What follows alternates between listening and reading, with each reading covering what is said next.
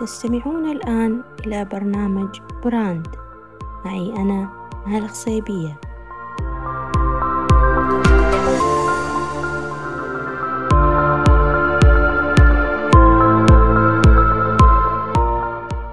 بدأت القصة بداية قوية لما أربع خوات قرروا إنهم ما يشتغلوا في وظائف حكومية أو خاصة. مع إنهم عندهم شهادات جامعية ودراسات عليا واختاروا إنهم يبدوا مشروعهم الخاص بيهم.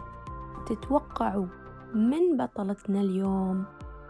حازت على جائزة الإجادة الشبابية لسنة عشرين عشرين فئة ريادة الأعمال الأفراد مع إنها كانت تعتبرها من أصعب السنوات اللي مرت عليها.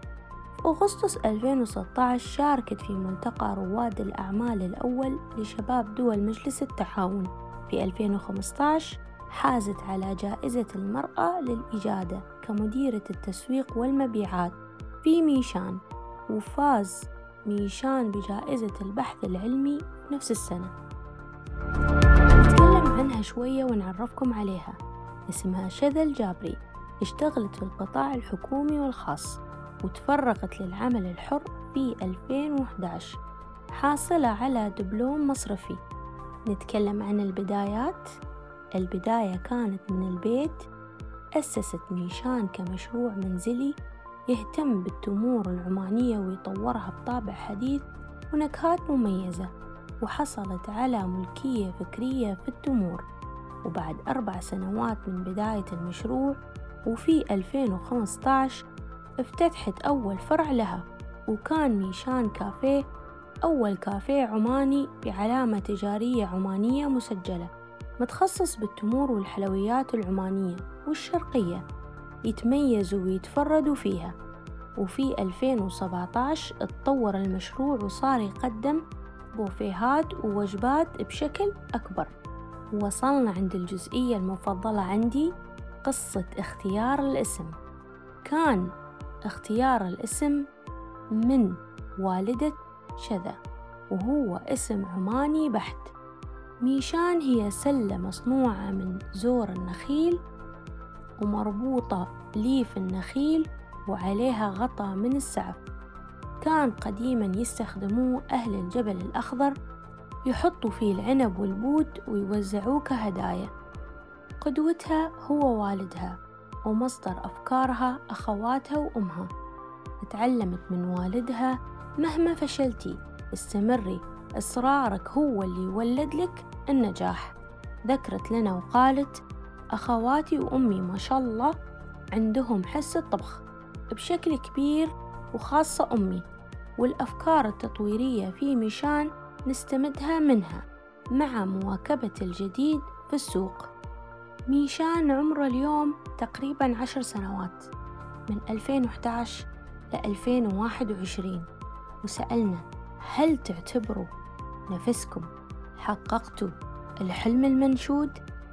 الجواب كان الأحلام ما لها حدود وكل ما حققت هدف أو أنجزت مهمة وصلت لحلم جديد يعطيني دافع أكبر أني أنا أستمر ومن التحديات والصعوبات اللي ذكرتها كان رأس المال طبعا وفي البداية من الصعوبات الأساسية اللي يواجهها أي شخص في الأعمال الحرة. كذلك ثقة الزباين وخاصة أنه بداية المشروع كان مع التمور وكانت الفكرة جديدة ومطورة على السوق المحلي.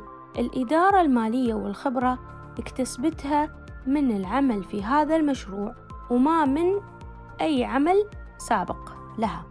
وطبعا كان وما زال للأعمال الخيرية مكان في إنجازاتها. سألناها كيف تواكبي المنافسة. قالت بالتجديد في الأفكار وتطوير المنتجات والخدمات. التنافس مطلوب في السوق من ناحية الجودة والأسعار ودائما نوفر الخدمات اللي تجذب الزباين. اليوم لها فرع واحد في أعتقد مكانه الغبرة موقع محلهم. وإن شاء الله في الطريق تفتتح فروع أكثر وأكثر. يتخصص ميشان في عدة أعمال التمور والحلويات والضيافة والبوفيهات. وسألناها هل تفكري تكتفي بهذا القدر؟ من المشاريع أو بهذا المجال فقط أو تتوسعي لأعمال أخرى. كانت الإجابة أنها تفكر وتجهز الأشياء جديدة. ونحن في ترقب وحماس كبير إنه نحن نشوف هذه الإنسانة وين راح توصل. ونتمنى نكون معاها خطوة بخطوة. أفضل نصيحة وصلت لها كان هذا السؤال. كان جوابها بصراحة جدا مميز. قالت هي ما نصيحة ولكن دايما تتذكر قول الله عز وجل ومن يتقي الله يجعل له مخرجا صراحة جدا مميزة هذه الآية. وتقول العمل لازم يلازمه اتقاء الله فيه عشان الله يبارك في الرزق ويسهل الأمور ويفتح أبواب الرزق الطيب طبعا على طول سألناها ويش النصيحة اللي ممكن تقدميها؟ قالت الصبر والعزيمة والإصرار والإبداع مفتاح للنجاح. طبعا الحين بنتكلم شوية عن معلومات اكتسبناها بالبحث عن شذا أو مشروع ميشان. نقدر نقول إن الحلو فيها إنها استفادت من الفرص اللي وفرتها سلطنة عمان للشباب المهتمين بريادة الأعمال مثل صندوق الرفض والمراكز المتخصصة. أيضا وجودها كعضو في مركز الزبير للمؤسسات الصغيرة توت جهودها إنها حصلت الدعم الكامل منهم. في من ناحية الدعم المالي والقانوني أو الإداري. يعني هي مجموعة أشياء. وهالشي سهل عليها كثير في بداية مسيرتها في ريادة الأعمال. وما اكتفت بهذه الأشياء. أصرت إنها تطور من أسلوب عملها وطريقة تسويقها وهالشي ساعدها إنها توصل للعملاء المحليين والدوليين.